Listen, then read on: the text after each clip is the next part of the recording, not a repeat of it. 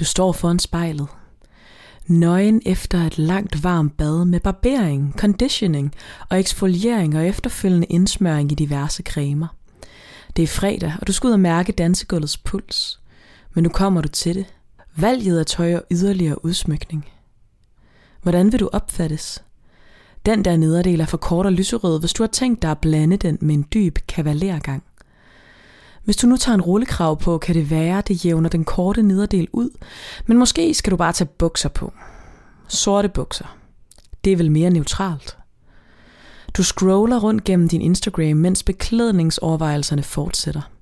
Der ser du Maltes billede.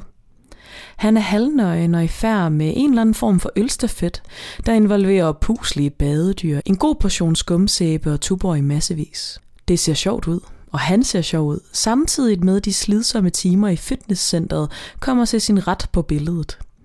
En hurtig tanke strejfer dig. Tænk, hvis du lagde det her billede op, fyldt med skum og puslige badedyr og din halvnøgne kvindekrop og øl. Det samme billede, to kroppe og to forskellige køn. Du forlader din lejlighed iført en sort rullekrave og sorte bukser, og efterlader din yndlings lyserøde nederdel i skabet sammen med dit sexappeal. Hej,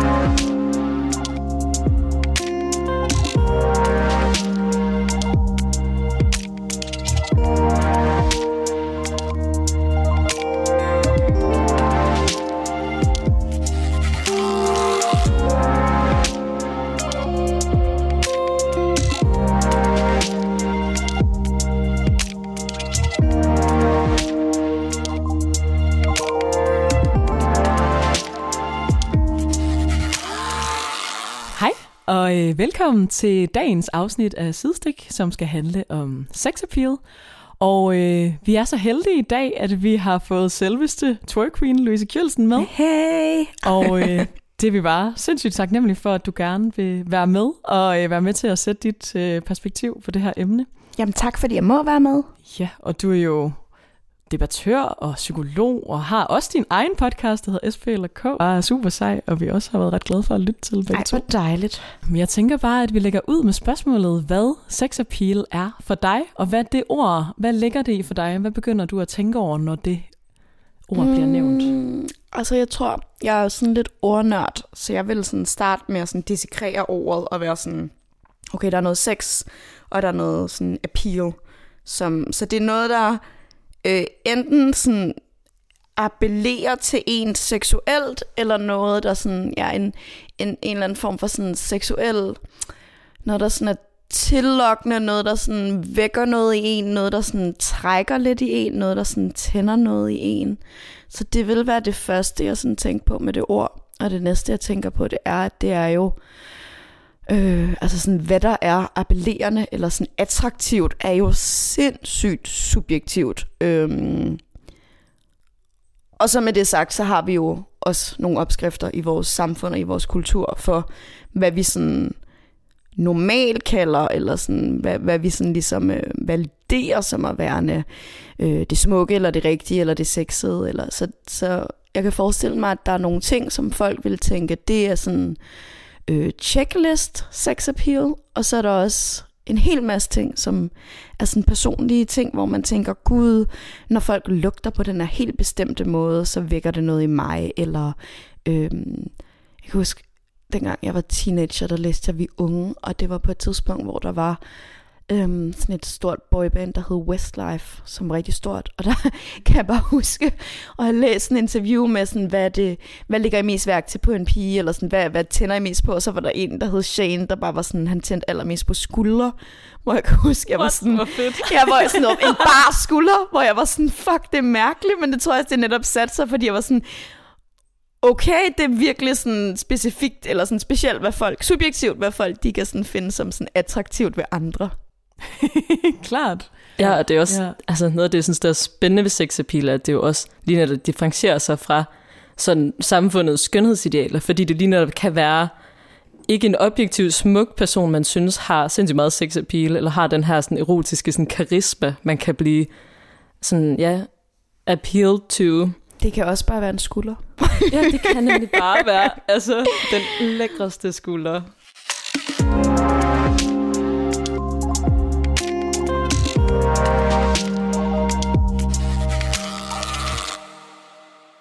Altså jeg tænker netop også, når man sådan udvider begrebet lidt, og netop snakker om, øhm, lad os sige sådan seksuel eller erotisk kapital, som er et begreb, jeg selv brugte, da jeg skrev min, øh, mit speciale i psykologi, mm. så, øhm, så er det jo ret interessant, at, at det netop også er sådan vores altså en del af det, øh, jeg brugte en, en engelsk sociolog, der hedder Catherine Hakim, som, som udvidede Bourdieu's kapitalbegreb og sagde, om der er også seksuel eller erotisk kapital, som er sådan, øh, man kan sige, hele ideen med, med Bourdieu's kapitalbegreb, og det er jo, at alle kapitalerne kan veksles til hinanden. Ikke? Så hvis du har enormt meget erotisk kapital, så kan du også veksle det til øh, social kapital, eller økonomisk kapital, eller måske endda også politisk kapital.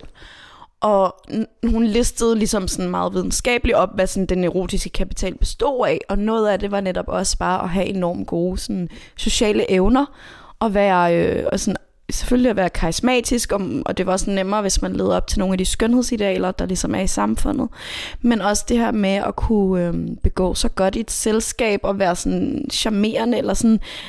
Og det kunne jeg egentlig ret godt lide netop det der med, at det kommer ud over øh, sådan her ser ud. Altså jeg tror, vi kender det alle sammen godt, hvis man nogle gange sidder og snakker med en person, man måske er sådan lidt betaget af, og synes bare, at den her person er enormt smuk.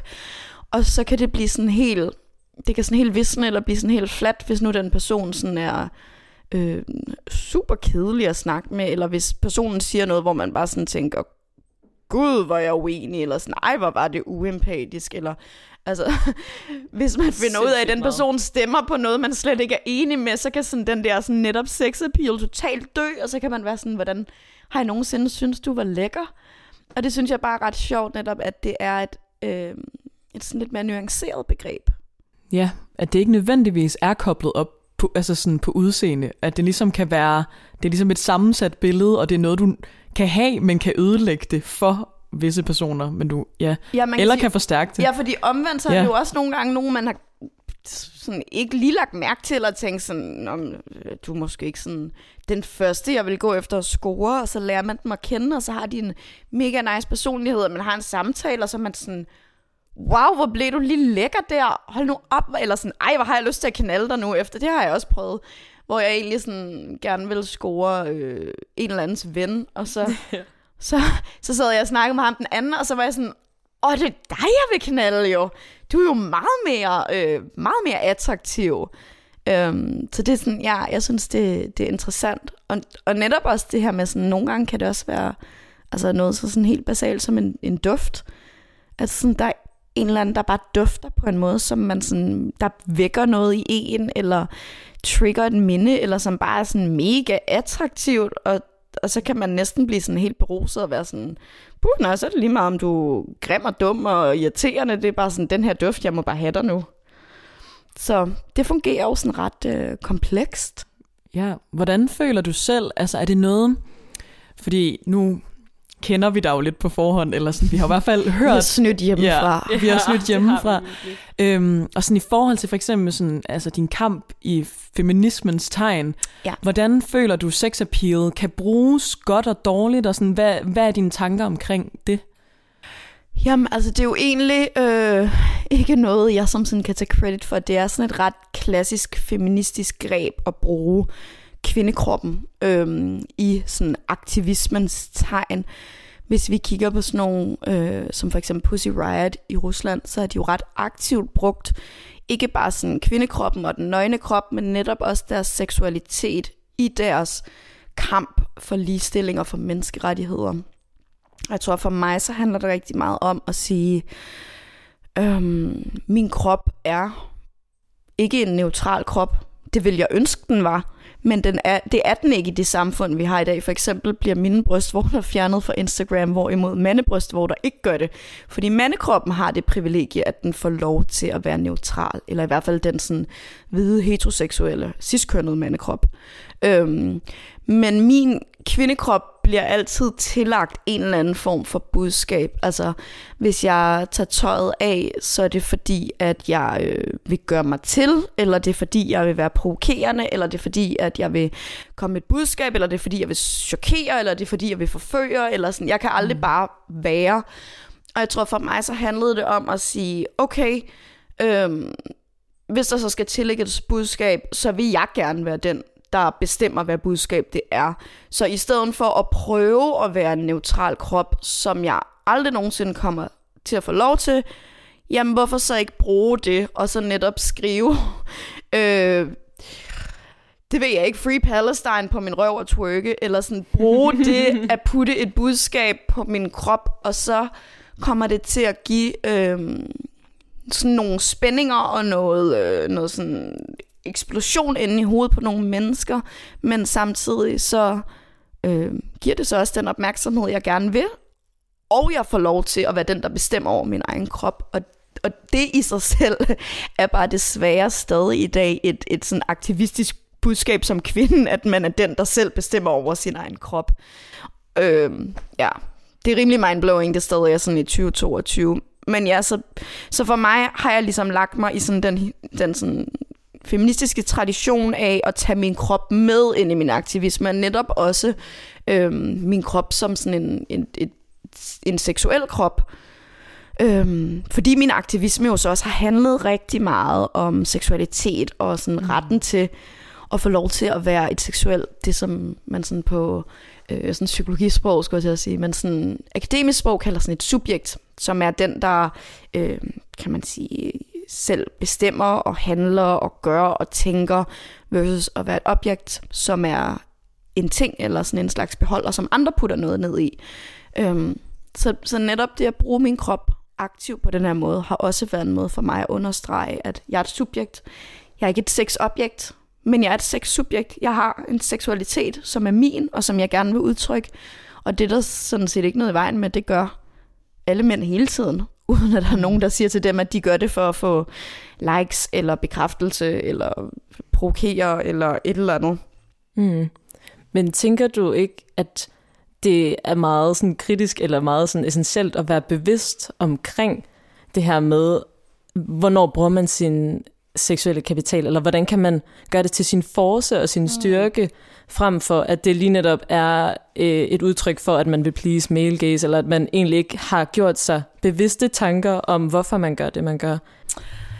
Altså jeg kan huske, øh, da jeg netop begyndte at læse den øh, teori af Catherine Hakim om, om det her med sådan seksuel kapital, så snakkede hun meget om, at øh, fordi kvindekroppen er blevet så seksualiseret af det samfund, vi er i, så indeholder kvinder enormt meget seksuel kapital, som de netop ikke bruger, fordi vi også lever i et samfund, der slutshamer enormt meget. Så det vil sige, hvis kvinder aktivt bruger deres seksualitet, så, så bliver de helt vildt udskammet, versus at omgivelserne hele tiden putter enormt meget seksualitet på kvinderne, men man skal sådan helst være sådan lidt en øhm, sådan teflonpanden og være sådan, nej, jeg er ikke seksuel, nej, jeg er ikke seksuel, du må gerne ned til mig, men Gud forbyde, at jeg begynder at tage penge for det og putter det på OnlyFans, og så rent mm. faktisk selv benefitter fra det. Ikke? Så det, man, man skal igen helt helst være i den der objektrolle. Øhm, og der synes jeg bare, det var ret interessant. Jeg læste netop af Catherine Hakim, hvor hun sagde, hvis kvinder kunne tabe ind i den her seksuelle kapital, så mente hun faktisk, at vi ligesom kunne lukke den ulighed, der er mellem mænd og kvinder, fordi vi besidder så meget af det her.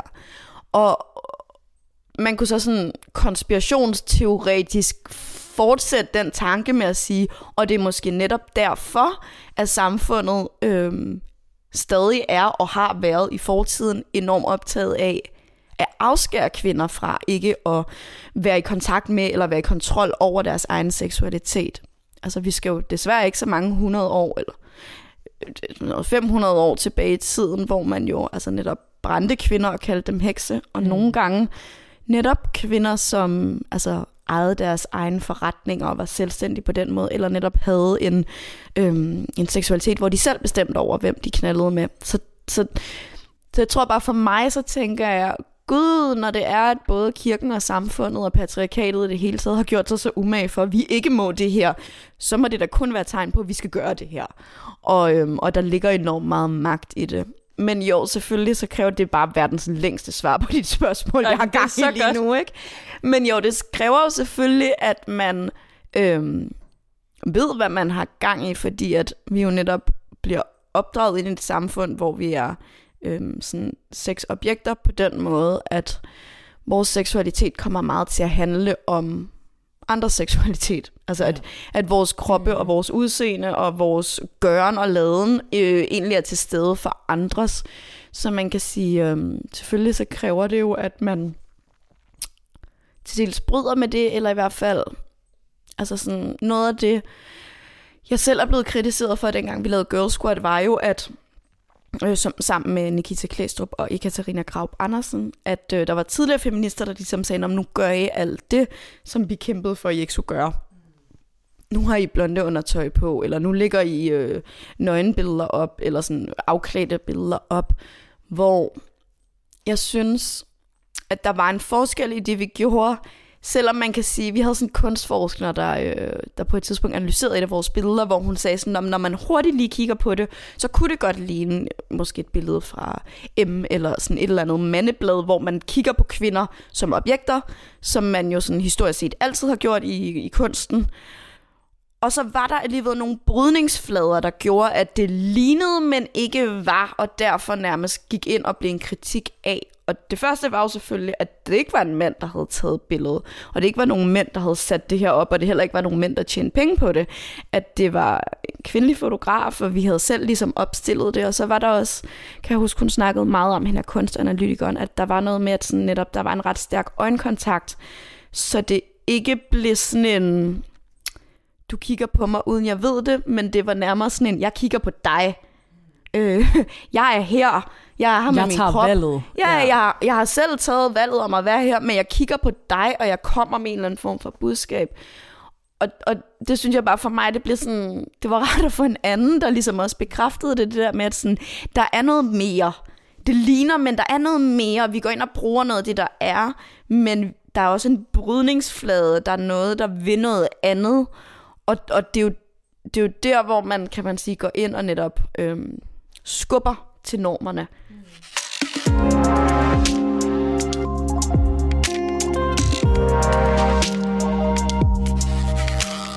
Men vil du sige så, nu for for eksempel så at tage OnlyFans, Ja. øhm, der kan man jo sige, at man har rig mulighed for at tage ejerskab, for du kan vælge, hvordan du vil se ud, Ja. og altså korrigere det hele, så du bare føler dig allermest top nice. Ja. Og så kan folk få lov at betale for, for at se det content. Mm. Øhm, men kan man ikke også stadig sige, hvis nu at der så er hvide mænd, der øh, kan ligesom tjene penge på det her, og som kan stadig, du ved, gøre en fortjeneste ud af det, er det så på samme måde at bryde med normerne? Eller hvordan, hvor synes du grænsen går?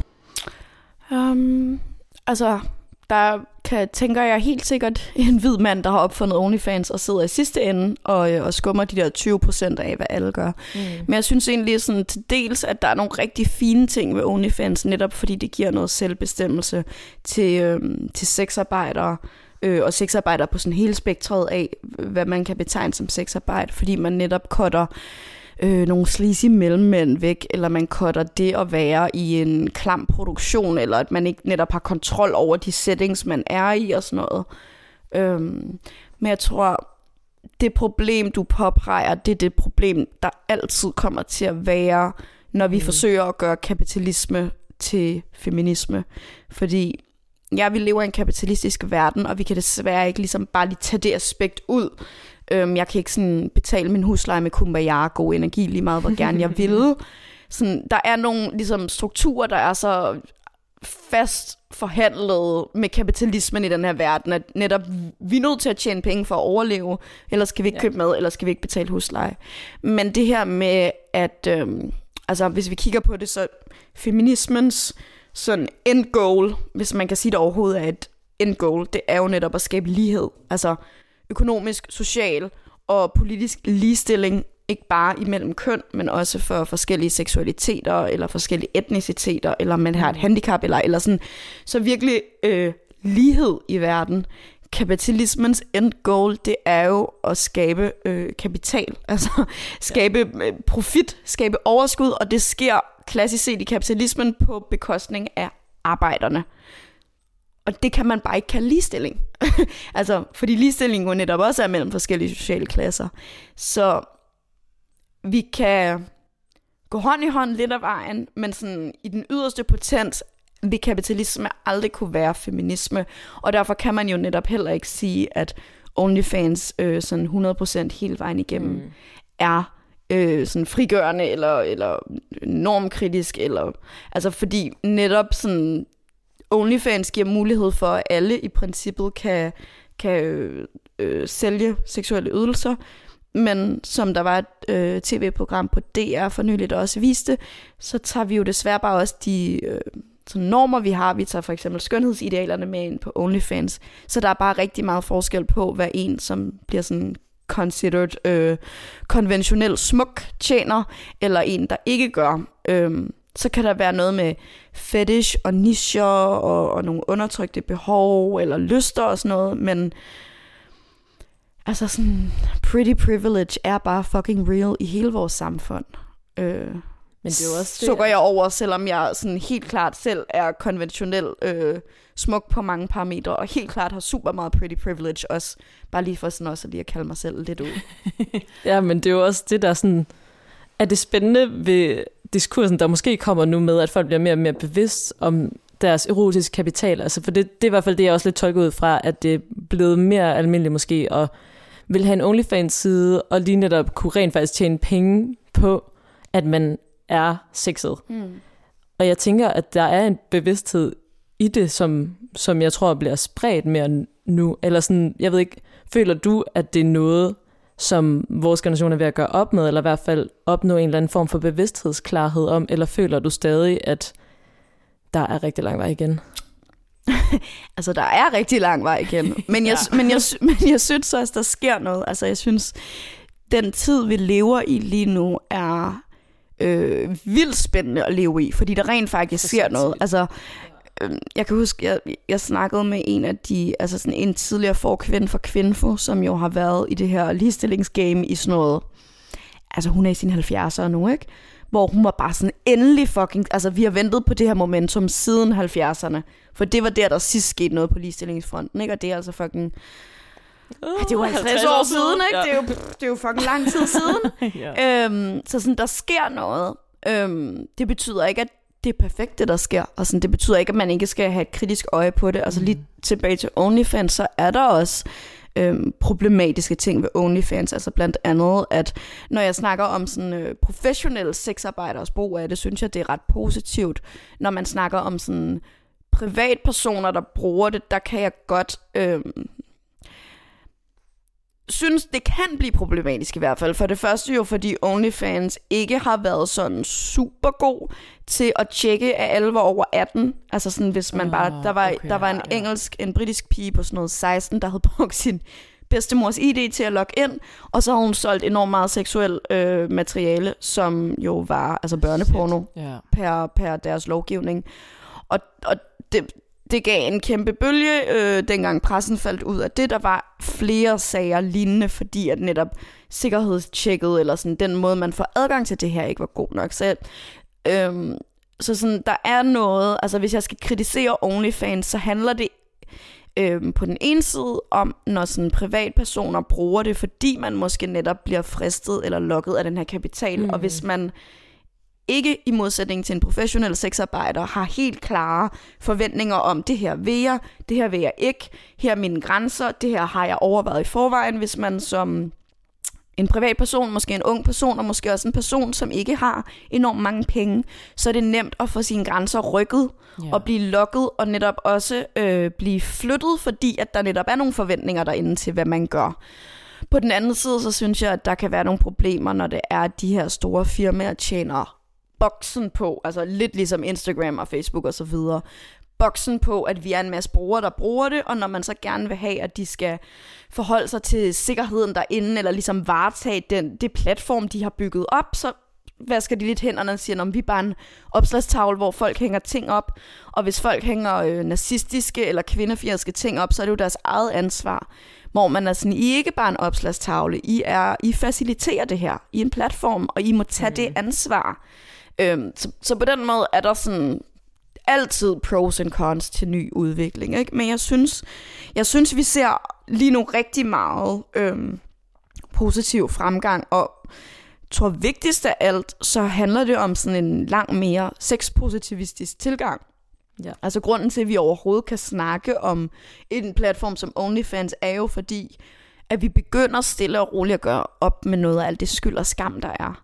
Øhm, og slutshaming. Ikke at det ikke er der længere. Det er Nej. det helt sikkert i allerhøjeste grad. Men det, at man netop som kvinde kan sige, om jeg er et seksuelt væsen, og, øhm, og det har jeg egentlig tænkt mig at, kapi- altså, at tjene kapital på, det, det synes jeg det synes jeg er en ret, altså sådan en vild tid at få lov at leve i, at, at det overhovedet er muligt. Fordi som sagt, havde det været for et par hundrede år siden, så var vi tre altså blevet brændt på bålet for at have den her samtale. Det er så true. Hvad hedder det? Jeg kom til at tænke lidt på, der er i hvert fald sådan et, et minde, der står ret stærkt for mig selv, var sådan i min gymnasietid, hvor at øh, festformanden havde lagt et øh, hans profilbillede ud, som er ham, der ligger øh, nøgen i en sofa med en guitar foran mm. eller et eller andet. Og alle synes bare, at han var skide sjov, og det var bare Frisk virkelig fyr. mega frisk fyr, ja. mega fedt billede. Ja. Og, det, og jeg blev, og det var, det var som om det slog mig sådan med et lyn. Jeg, sådan, jeg kan ikke gøre det her på nogen måde, hvor nogen vil synes, det var sjovt at have den der afslappethed omkring det. Mm. Og sådan, hvad gør du, når den følelse, altså når du møder de der murer, sådan, hey, det her, det, det kan jeg faktisk ikke. Hvad, mm. sådan, fordi for mig der er det sådan, det er stadig sådan en, jeg bliver bare sur, når jeg tænker på Ja. det, og kan ikke sådan, fordi så jo, så kan jeg godt åne, men det er sådan, jeg har slet ikke lyst til at være seksuel, jeg vil bare gerne være en krop, der var sjov, eller sådan, Ja. ja. I hvert fald have muligheden I for hvert fald have muligheden, ja. Jeg vil Ja. gerne have muligheden for, for alle dele af spektret. Ja. Um, altså til del, så tror jeg, det handler rigtig meget om den opdragelse, jeg har fået. At øhm, den sådan skam og skyld, jeg møder, kommer ikke så meget indefra mig selv. Det er mere noget, der kommer udefra. Og så er det helt klart nemmere at sige, øh, gå væk, hvor er du latterlig, end hvis det er noget, man selv tror på. Øhm, det er der til del selvfølgelig også i mig, fordi det er der i samfundet, og samfundet har jo opdraget mig. Så selvfølgelig er der noget inde i mig, øhm, som også holder igen. Jeg har de sidste par sommer øvet mig rigtig meget i at være topløs. Øhm, netop fordi, at, Ej, mega fedt. at, øh, at bryster på kvindekroppe jo er super øh, et sexede og farlige og syndige og al, al, hele faktisk al kaos og undergang sidder i kvindebryster, så de skal helst bare pakkes væk og, og, og, og gemmes væk, hvorimod manden jo ikke har bryster, han har en overkrop. Øhm, men jeg har øvet mig ret meget i at, altså at solbade eller sådan at bade og ligge topløs, og det var ret grænseoverskridende først, fordi jeg jo netop selv havde integreret ideen om, at der var noget farligt ved, at jeg skulle vise mine bryster. At jeg kan huske, jeg havde den her snak med, øhm, med rapperen eller sådan kunstneren Nicoline, som jo, altså, jeg, jeg tror aldrig, jeg har været i et rum med hende, uden hun har taget trøjen af nærmest. Hun er jo fucking topløs hele tiden. Og hun er bare, hun er bare øh, fedt mands bag, bare overkropfest, ikke? Ej, Øhm, bare mavefest hele tiden. Ja, tak. Og, øhm, og jeg kan huske, jeg snakkede med hende, hvor vi sad på bryggen, som er sådan ret tæt befolket midt i København, og hun tog trøjen af, og jeg var sådan, gud, hvor vil jeg gerne være topløs, øhm, men jeg har bare ikke lyst til at være det, hvis nu sådan, fordi du ved, folk ved, hvem jeg er, hvis der er nogen, der tager et billede af sådan, ej, nu har jeg Troy Queens bryster, ikke? Og så var hun sådan, men det er jo en magt, du giver dem, Mm. at altså sådan, når du gør dine bryster til noget specielt, som nogen kan tage et billede, og så have en magt over dig, det er jo noget, du giver dem. Du kan jo bare sige, ja, så har du et billede af mine bryster, og hvad så? Og så var jeg sådan, ja, det er også rigtigt. Ja, det er så rigtigt. altså, det var virkelig sådan en bitter pill at skulle swallow, og være sådan, åh, hvis jeg skal talk the talk, ville det være fedt, hvis jeg også skulle walk the walk. Så sådan, de sidste par sommer har jeg virkelig øvet mig øhm, i netop, altså sådan at ligge nede i havnen i Indre København og tage toppen af. Og jeg kan mærke, at hvis der er bare en anden, der gør det, så synes jeg, det er så meget nemmere. Altså, så har jeg nogle gange ligget mig på stranden, og så har jeg set, oh my god, der er en, der er topløs, og så smed jeg toppen, og så kan jeg huske, at så hende, der var topløs, så pakkede hun sammen og gik, og så var jeg sådan lidt, okay, øh, nu er det mig. selv? Ja, nej, men nu var jeg sådan, nu er det mig, der skal være den modige, fordi Ja. at jeg skal være den, der ligger her til den næste, der kommer. Ja. Præcis. Øhm, og så var jeg sådan, du ved, så startede jeg måske, okay, og så ligger jeg lige på maven først, eller nej, okay, okay, nu vender jeg, eller altså sådan, og, og sådan, så er jeg stille og roligt fået bygget det op, og nu kan jeg mærke, at sådan, at jeg har fået, jeg kan få lov til at træde ind i det rum, hvor min krop egentlig bare er en krop, altså hvor jeg bare sådan nu har jeg bare overkrop, men jeg har ikke nødvendigvis bare bryster. Jeg har ikke følelsen af, at jeg har bare bryster, jeg har bare, bare overkrop. Og jeg kan mærke, hvordan det er helt vildt forskelligt, når jeg for eksempel, øh, jeg har trænet en del udendørs øh, under lockdown, og så vinterbadet, altså, og så noget mere netop at klæde, klæde tøj af og på, eller altså sådan, jeg har ikke fået den der helt, og nu skal jeg skjule mig måde, fordi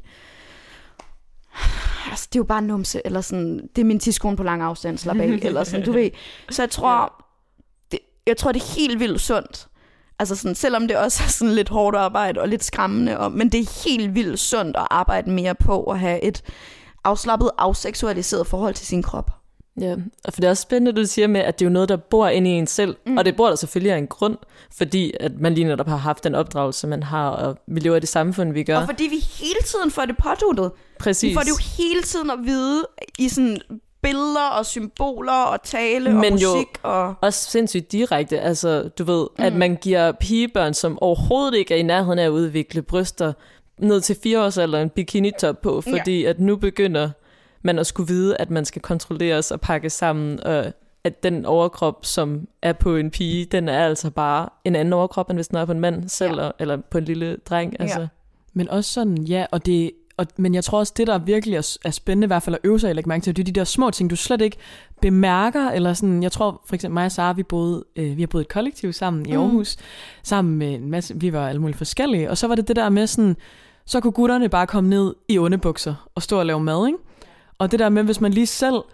Jeg kan huske, at jeg på et tidspunkt tog min trøje så fik jeg lige bare lige sådan en, wow, ej, det, det har det varmt, eller altså, ved, men, og, og de har slet ikke tænkt, altså hvad de siger, når de siger det, altså, mm. altså sådan, hvad der egentlig mm. ligger under det, mm. og at det er noget, jeg skal tænke sindssygt meget over på en anden mm. måde, eller sådan, for jeg vil aldrig komme ned bare fyldt undertøj, som mm. de vil, og det mm. tror jeg bare sådan, det er de der små ting, der virkelig er...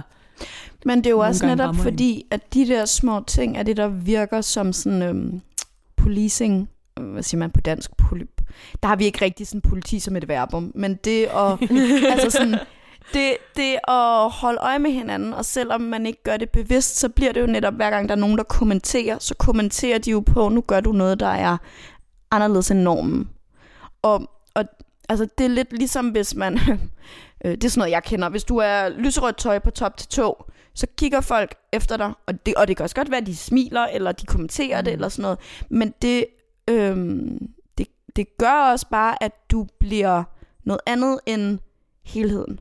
Altså du, mm, bliver, du får en yeah. andethed.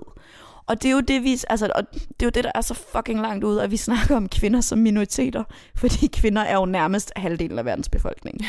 ja. Vi er jo sådan, kv- kvantitativt set, at vi ikke en fucking minoritet. Nej. Men vi bliver, vi bliver poliset som en minoritet, eller vi, vi får tillagt den her andethed. Mm. Så netop, at selvom det ikke er nødvendigvis... Øh, du skal ikke vise dine bryster her, så bliver det, at andre sådan lige kigger lidt ekstra, eller øh, sådan siger til deres venner, prøv lige at se, eller tager et billede, eller sådan det her, det er med til at gøre, når nu er jeg anderledes, jeg er ikke en del af fællesskabet, jeg får ikke lov til bare ligesom at være, jeg bliver peget ud, og det har jo så også den effekt, at man får lyst til at være ligesom fællesskab, fordi det er nemmere, fordi mm. så får man bare lov.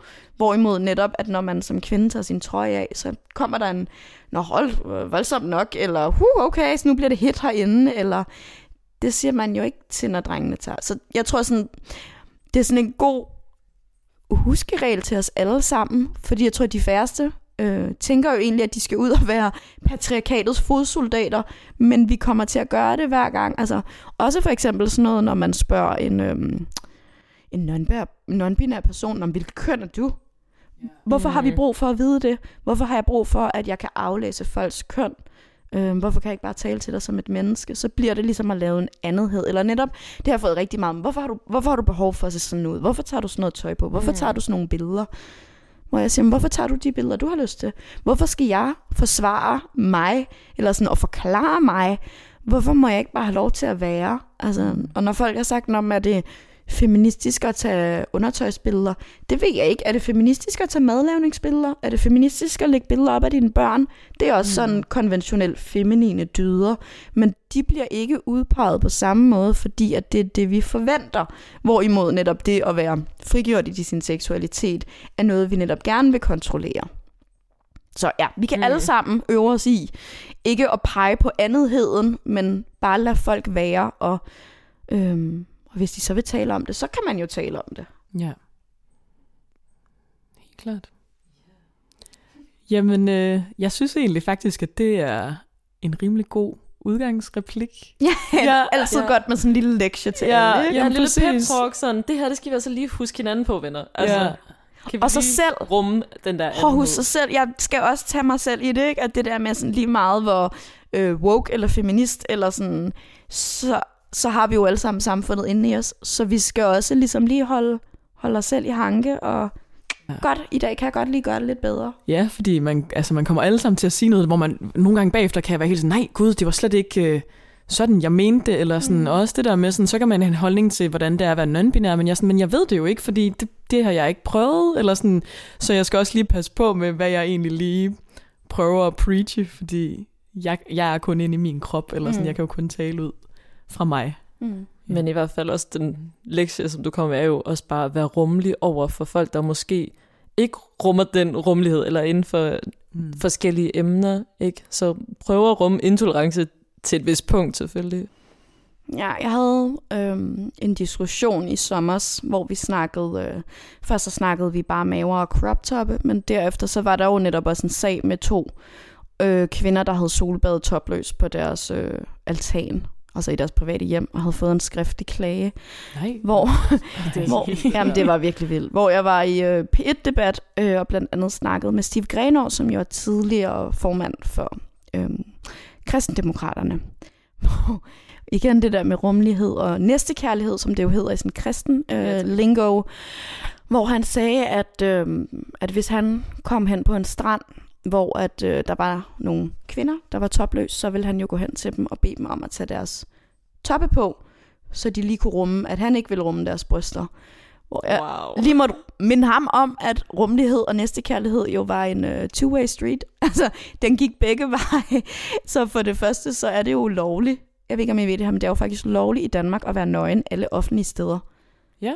Øhm, så længe man bare, vi adskiller i vores øh, lovgivning, at man må gerne være nøgen, man må bare ikke være uanstændig. Ja, man må ikke blive færdighedskrænke. Ja. Uanstændig, det bliver øh, fortolket juridisk set som seksuel. Så du ja. må gerne gå nøgen ned ad strøget, du må bare ikke onanere på strøget. Mm. Øhm, så det her med, at altså, man faktisk øh, jo gerne må være topløs og nøgen for den sags skyld på en strand, som man må alle mulige andre steder, at så handler, øh, så handler rummelighed jo også om, at så skal man jo lade andre folk gøre med deres kroppe, hvad de vil. Og hvis man ikke selv kan rumme nøgne bryster, så kan man jo blive hjemme, eller måske ringe til en psykolog og finde ud af, hvad det er, der sådan er helt trigget inde i en, øh, siden at, at nøgne kvindebryster gør en fuldstændig vild og voldsom oven i hovedet. Men Jeg tror, at de kan dræbe, altså. Jeg ved det ikke. Jeg synes ja. også, det, det er en god anbefaling Ja. at slutte af på. Men tusind tak, fordi du ville være med. Det var vi sindssygt glade for. ja, det er for nice. Og du skulle banger. Altså, hvad kan man sige? Så må vi bare vente på øh, solen ud, ikke? Så kommer brysterne. Ja, Det er så klart. Jeg- Ja. Ikke nogen bikini Nej. lines i år, altså. Jamen, jeg, skal, jeg skal arbejde på det. Ja, Ja. Vi er i proces. ja vi er i proces. Altid. Præcis. Det var det sidste for denne gang, og dine værter var Digte. Og så...